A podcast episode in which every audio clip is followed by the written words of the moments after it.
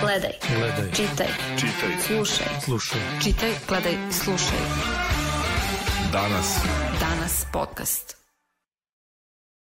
E, Stigla nam je proleće i vreme je alergija. Počinju u martu, traju do oktobra i e, veliki broj ljudi u Srbiji i u svetu e, kuburi sa tim. E, slušate, gledate novu epizodu podcasta danas. a Ja sam Ljiljana Bukvić, moja današnja gošća je pulmolog e, Tatjana Radosavljević. Dobro nam, dobro nam došli. Bolje vas našla. E, sad tema, uvek aktualna tema. Tek hteli smo malo da, i dok smo razmišljali, hajde šta da uzmemo sad, onda nekako, nekako je sinulo alergije. Kreću, u stvari krenule su već, ko ima problema to vrlo dobro zna. E, kako da se neki, da kažemo, radni, radni naziv i, i ove naše emisije, kako da se ne samo zaštitimo, kako i da, da lečimo, da, da pokušate da nam pomognete, da pomognete onim ljudima koji imaju problema šta da rade, kome da se obrate. Pa ja bih počela od jedne činjenice da recimo u 19. veku pre industrijske revolucije termin alergija u medicini uopšte nije postojao. Kako su krenule da rade fabrike, prve fabrike, kako se razvijala industrija, kako je sve više i više bilo aerozagađenja, kako je industrija prerade uh, mesa počela da bazira se na tome da se veštačke stvari uh, i čak i antibiotici ubacuju u to, sve više i više ljudi je počelo da se žali na tegobe koje, su, ale, koje pripadaju alergiji. E, neke procene su da će 2050. godine svako drugo dete biti alergično. Alergija predstavlja u stvari preterani e, odgovor organizma na određenu grupu substanci koje se zovu alergeni. I po tome mi imamo takozvane spoljašnje alergene, koje su upravo sada među nama, odnosno u vazduhu koji udišemo, i unutrašnje alergene. Ti spoljašnji alergeni najčešće pripadaju polenima. E, već je negde februara meseca kako su prve biljke procvetale, već je počela da raste koncentracija polena u vazduhu i tada su već počeli da se javljaju pacijenti koji imaju te gobe sa alergijama i već su, to je znači možda i ranije nego što inače, inače upravo je ovako kako ste vi rekli, krenu marta, a završe negde oktobra sa ambrozijom. Poleni mogu biti poleni korova, kao što je ambrozija, poleni trava i poleni drveća. U ovo vreme su najčešći poleni trava i poleni drveća koji jednostavno uh, se hvataju, ulaze u naše gornje disajne puteve i tu počinje da se stvara alergijska reakcija koja će se manifestovati time što će nekome da suze oči, nekome će da curi nos ili će da se zapuši nos, nekoga će svrbeti uši, nekoga će svrbeti tvrdo nepce skroz pozadi, a neko će nažalost dobiti napade koji su napadi prave astme, jer većina, pogotovo dečjih astmi, je upravo izazvana alergijom. Međutim, moram da kažem još nešto. Kao što smo ranije imali pre 20 godina pretpostavljali da alergija može da se javi u dečijem dobu ili u dobu mladosti, sada više nemamo doba kada može da se pojavi alergija. Ona se može pojaviti kod ljudi koji imaju i 50, i 60, i 70 godina, upravo zbog toga što je, su alergeni svuda oko nas, što je svuda oko nas aerozagađenje koje oštećuje te odbrambene mehanizme pluća i, i respiratornog sistema kao što je sluzokoža nosa, tako da mi sada ne možemo govoriti o tome da je alergija bolest ako nikad niste imali alergiju, da je nikada nećete ni dobiti. To je jedna stvar. Što znači da ljudi koji prvi put ovih u proleće počinju da dobijaju te gobe, a nisu ranije bili alergični, ne mora da znači da, nis, da to nije alergija. Kako ćemo recimo razlikovati alergiju od obične prehlade? To je vrlo često to sam pitanje. Da, da vas pitam, evo ja, sam, ja imam i upravo sam, ne znam, svrbi me nos, uh, kijevica curi nos, št, ne mogu da procenim. Da li sam se prehladila ili alergija, kao rano mi je februar, je da... I, upravo, upravo postoji, svi veliki gradovi da. su već pre deseta godina uveli, kao što su uveli uh, uh, informaciju o tome kakva je zagađenost vazduha, uh, uveli su i to, i to kakva je polinacija, odnosno šta je prisutno i koliko je polena prisutno u vazduhu. Postoji uh, kalendar cvetanja gde postoje tačno kada šta cveta. Međutim, sve zavisi od vremena. Ove godine cvetanje počelo jako rano. S obzirom da vi vaše tegobe, ja bih, vas, ja bih vam ovako rekla, vi temperaturu nemate, znači nemate bolove u mišićima i zglobovima. To je nešto što obično prati prehladu. A kad biste uradili krvnu sliku, kod prehlade bi ona bila praktično ili normalna ili bi pokazivala povešene vrednosti takozvanog CRP-a. Ali ako uradite krvnu sliku i uradite jedan faktor iz krvi koji se jako jednostavno radi, koji se zove imunoglobulin E i ako je on povišen, on bi ukazao sa visokom verovatnoćom da vi imate alergiju, odnosno da se pojavila alergija. To nije nešto što se radi, u, da kažem, u običnoj To krvnoj se slici. ne radi to se uobičajeno, ali ako, ukoliko u običnoj krvnoj slici primetite da jedna grupa belih krvnih zrnaca, koji se zovu tako eozinofili, bude povećana, to nam može skrenuti pažnju da se može raditi o alergiji. E, Kako rekoh, organizam je taj koji će jedne godine da reaguje suzenjem očiju, curenjem nosa, a sledeće godine može da reaguje time što ćete dobiti, što čovjek može dobiti napade slične napadu bronhijalne astme.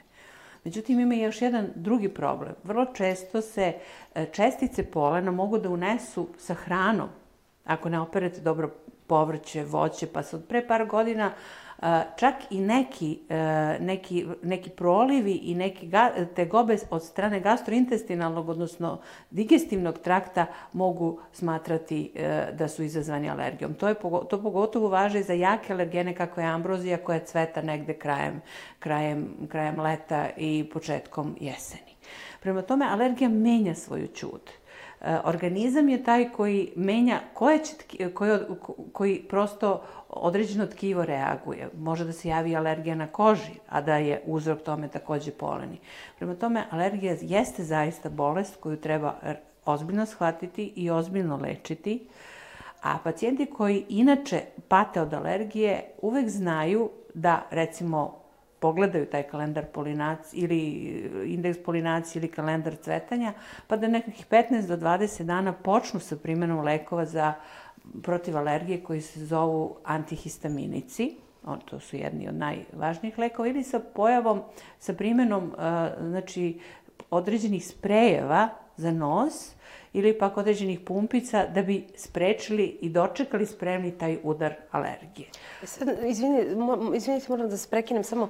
e, Kad ste pomenuli le, e, lekove da počnu da se piju, e, znam dosta ljudi koji su alergični, koji, da kažemo, svi, uključujem tu i sebe, e, na svoju ruku pijemo lekove. Koliko je to sad preporučljivo, nije preporučljivo i kakav je taj put obično, jo, ko će sada ide kod lekara, da li treba, da li treba malo ozbiljnije svi da pristupimo tom, da kažemo, bolesti, alergiji, da li treba da ispitamo na vreme na šta smo alergični ili da pijemo tako lekove? Pre svega, najbolje je da ipak se ode kod lekara, a ne u apoteku pa da vam apotekar predloži neki lek protiv alergije koji je možda nov ili je skup. U svakom slučaju, lekar je taj koji će stepenasto moći da uključi uh, lek koji je adekvatan. I vi onda znate iz godine u godinu koji lek vama odgovara, tako da ukoliko ste e, hronično bolujete od alergije, vi to možete i sami da počnete da pijete, naravno u dogovoru sa vašim lekarom. Kako znati od čega si alergičan? Postoje dve različite metode. Jedna metoda predstavlja takozvane kožne testove. E, naime, Torlak je pravio e, mešavine alergena svih trava koje su prisutne na našem podneblju ili svih e, polena svog drveća koje je prisutan na našem podneblju i onda su pravili tečnost i pravi dan danas tečnost koju vi nanosite u vidu kapi na pod, podlakticu pacijenta i na, napravite kaplicu stavite kapljicu, ali e, onda lancetom blago zagrebete kožu, znači ne ubodete i to je dovoljno da alergen uđe u, u, u kožu i da počne da reaguje ukoliko je to to, to e, postoji alergija. Znači, rade se alergije na polene, to su takozvani standardni testovi, kožni testovi koji podrazumevaju polen trave, polen drveća, polen korova, kućnu prašinu, grinje, ja sam pomenula unutrašnje alergene, to su kućna prašina i grinje, među njima su najznačajniji. Zatim se rade na duvan, na životinsku dlaku, to je mešavina dlake psa i mačke, zatim na posteljinu, to je na perje u stvari, i na buđ, odnosno na, na, ljudi ponekad jako reaguju na buđ, takođe na prisustvo nekih, nekih insekata kao što su buba švabe. Znači, napravi se taj set i izbod, praktično se e, na jednoj ruci e, e, napravi tih 7-8 kapica, probode, iz, izbodemo pacijenta, u stvari vrlo lagano napravimo komunikaciju između kapljice i kože, to ništa ne boli i sačeka se 15 do 20 minuta. Ukoliko je organizam alergičan, a da prethodno 10 dana nije pacijent pio lekove protiv alergije, vi ćete jasno dobiti na šta ste alergični. Međutim, postoji mogućnost da se kožnim probama, ukoliko bukti alergija u nosu, u plućima, ne dobiju ti adekvatni odgovori, znate. Zbog toga se sada sve više koristi jedan drugi metod, već smo rekli, određuje se laboratorijski iz krvi imunoglobulin E. Postoji metod koji rade bolje laboratorije, bolje opremljene laboratorije u Srbiji, koji se zove određivanje takozvanog specifičnog IgA, odnosno na određene antigene, se, da se sve to uradi iz krvi. I onda se vidi da li je neko alergičan i koliko je neko alergičan na određene vrste trava. Znači može da se na, može, nađe na, može na šta je. Da, da, da se nađe na šta je. A druga stvar, ukoliko se nađe da ste vi alergični jako, visokom klasom, to se tako kaže, na recimo grinje ili na recimo polen, polen ambro, ili na ambroziju, postoji mogućnost, jedan od načina lečenja koji je jedno vreme bio jako aktualan kad sam ja počinjala pre nekih 30 godina da radim ovaj posao koji radim i koji je sada ponovo aktualan, a dugo ga nije bilo, to, to, je, to je način da se naprave uh, iz uh, uh, ti alergeni i da se ti vaši alergeni zapravo u, u rastućim dozama daju pod jezik da biste se za dve ili tri godine oslobodili alergije na tu određenu jednu jedinu ili dve, dve substance na koje ste alergični. Međutim, ako ste alergični na više od dve substance, to više ne, to nema to ne... smisla i to nema efekta. Tako da su to ne, takozvane, ne, ne mogu da se ne izleče tako, oni koji tako, su baš alergični. To su takozvane autovakcine, tako ih zovemo, i to, taj proces se zove proces desenzibilizacije i od pre nekoliko godina se ponovo radi. Jedno vreme se 80. godina vrlo intenzivno radio, tu su čak i postojale vakcine, autovakcine, kažem vakcine ne u onom smislu pežorativnom u kome mi kad čujemo reč vakcine reagujemo, da koje su mogle i da deluju i na više alergena, ali nažalost one više nisu u primjeni, ja i godinama već nisu registrovane znači, kod nas. Znači, to ste rekli do jedne do dva alergena reaguju, jel? Da, do dva. i onda se napravi recimo na vaše grinje, one koje vama smetaju i onda se po jedne ili dve kapi, to rade jako dobro opremljeni i obučeni alergolozi, to ne može ni svako da radi, zato što postoji mogućnost da, da iz trećeg puta jako burno reagujete i tu se onda prekida. Znači, jednostavno, to je jedna od metoda lečenja, osim ovih lekova koje inače uzimamo. Ali postoje neki ljudi koji su, da kažemo, osetljivi na to, koji ne bi smeli da se podvrgnu takvim, u smislu nekih drugih bolesti, da Pa da vam kažem, tome se podležu uh, ljudi koji nemaju nikakvih drugih oboljenja, jer vrlo je opasno ako vi imate kardiološkog pacijenta pa pokušate da mu radite desensibilizaciju. To su uglavnom mlađi ljudi i kažem, to je jedan deo i jedan način lečenja alergije, ali ne tako prisutan jer osnovni je uslov da bude alergičan na jedan ili dva mhm. alergena. A to je, pretpostavljam, i skupo.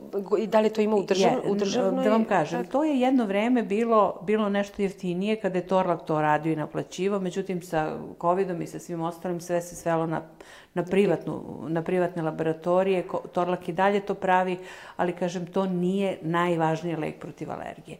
Idealan lek protiv alergije bi bio da se jednostavno, eh, da ne se ne izlažete alergenima, što je praktično nemoguće, znate. Jer vi, ovaj, kad izađete ti e, polen pada po vama. Ono što ja preporučujem, to je da se presvučete čim dođete u kuću. Čak se preporučuje u doba kad je velika polinacija da se opere kosa, da se ne bi uneli ti alergeni u kuću, jer to je jedini način da smanjite broj alergena na koji reagujete. Ukoliko uh, su alergije jako izražene, onda se osim tih antihistaminika ponekad moraju davati i kortikosteroidi da bi se alergija prevazišla. Prema tome, alergija je zaista, uh, što se tiče kvaliteta života, i što se tiče učestalosti i što se tiče, um, ona neće ukoliko se ne radi recimo o pogoršanjima bronhijalne astme, Ona neće možda vama uticati e, kao neka teška bolest, ali će vam smetati da dišete, bit će vam zapušen nos ili će da curi nos, imaćete te gobe, znači značajno će remetiti kvalitet života. Sve ovo što sam govorila odnosi se na takozvane respiratorne alergene. Međutim, ne možemo, ne možemo zaboraviti da postoji velika grupa takozvanih nutritivnih, odnosno alergena koje unosimo sa hranom. Poznate su alergije na kikiriki, koje mogu biti jako fatalne, da, da idu po tipu hiponafilaktičkog šoka, znači odjednom brzo dolazi do pada pritiska, do otoka grla. Znači to je posebna, time se takođe bave alergolozi i to je takođe jedna velika grupa tak, uh, substanci koje mogu izazvati alergiju. Uh, što se tiče nekakvog dodatnog lečenja uh, koje nije u sferi uh, farma, farmakologije, E, smatra se da ulje crnog kima može smanjiti uopšte alergijsku reakciju, ali kažem, jednostavno alergija je već prisutna i bit će prisutna čitave godine. Jer vi od negde februara, marta, kad počne prvo cvetanje, pa do oktobra imate problem sa polenima. Potom, kako počne grejna sezona, vi imate problem sa kućnom prašinom i sa grinjama. Grinje su takođe izraziti alergo, alergogeni, odnosno izazivači alergije, uskućnu prašinu. To su zapravo mikroorganizmi koji, su, koji se hrane našom ko, peruti, našom peruti i njihovi proizvodi metabolizma su zapravo alergeni ali oni nemaju svoju težinu i vi ih ne možete, koliko god čistite kuću, vi ih ne možete očistiti, nego mora da budu posebni aparati za čišćenje, dubinsko čišćenje od grinja. A da li Za... mogu da pomognu sad ovi, op, to je sad opet moderno, ovi novi kućni prečišćivači vazduha? Za grinje ne, ne ali, ali postoje posebni usisivači kojima to može da se radi. Zašto grinje recimo nisu, grinje jako vole toplotu. I ja savjetujem pacijentima za koje sigurno znamo preko kožnih testova da su alergijski, alergični na grinje, da pred grejnu sezonu dubinski očiste znači čitavu kuću, da izbace plišane igračke, zavese, tepihe, jer tu, tu, se, tu se grinje mogu naći, da o, isto tako e, očiste krevete sav nameštaj. Zašto recimo grinja nije bilo pre 50 godina kad su zime bile jake, a naše bake su iznosile posteljinu svakog jutra da se smrzne? Zato što grinje umiru na, na ovaj hladnoći. Trebalo bi nema, provetravati i ostavljati je, posteljinu. Tako je, a sad više da. nemate, to, nemate, nemate hladnih zima i sada taj mehanizam više nemate kao mogućnost prirodnog, prirodne odbrane od grinja. Tako da su to takozvane unutrašnje unutrašnje alergije, zato što se smatra da one da, najgore je, najgore je ako ste vi a, kao neko ko je alergičar, alergični i na polen i na grinje, onda imate problem čitave godine i onda praktično čitave godine ste po terapijom, ali ta terapija može biti, kombinacija terapije može biti jako uspešna, ali opet to nikako ne možemo raditi sami. Neophodno je potrebno da imate svog lekara e, koji će vas pratiti i sa njim zajedno reagovati na sve te događaje koji se dešavaju. Znači, ipak je preporuka da se ode kod lekara, Uvek da se uradi lekara, u stvari... ništa, da ste... se pokuša da se uradi, znači da... Jer lako izbegavati nutritivne alergene kad vi znate da ste alergični na kikiriki, ali nemoguće izbegavati izlazak napolja ako je visoka polinacija. Znači, Jest. mi tu bitku, nažalost, gubimo, ali istovremeno i sa aerozagađenjem i sa svim onim što se dešava, sa, opet kažem, sada se i meso, uh, da bi, da bi što pre uh, životinje koje se koriste u ishrani napredovalo u težini, dodaju im se razni steroidi, antibiotici, sve to skupa čini problem i pojačava alergiju. A šta bi bila neka preporuka onim ljudima koji nemaju alergije, preventivno, osim toga ne mogu da ostanu naravno u kući da se zaštite na taj način. Da li postoji nešto što bi mogli neki vitamin koji pa, ili nešto nema, tako? Ne, ne postoji ništa što bi uh, ljudi da koji neće da. reagovati alergijski prosto nemaju, nemaju nemaju takvu genetsku predispoziciju da uopšte razviju alergiju. Da. Međutim, e, ne bi valjalo da, da se nađu u sredini gde je jako velika koncentracija alergena, znate. On je ko alergičan na duvan.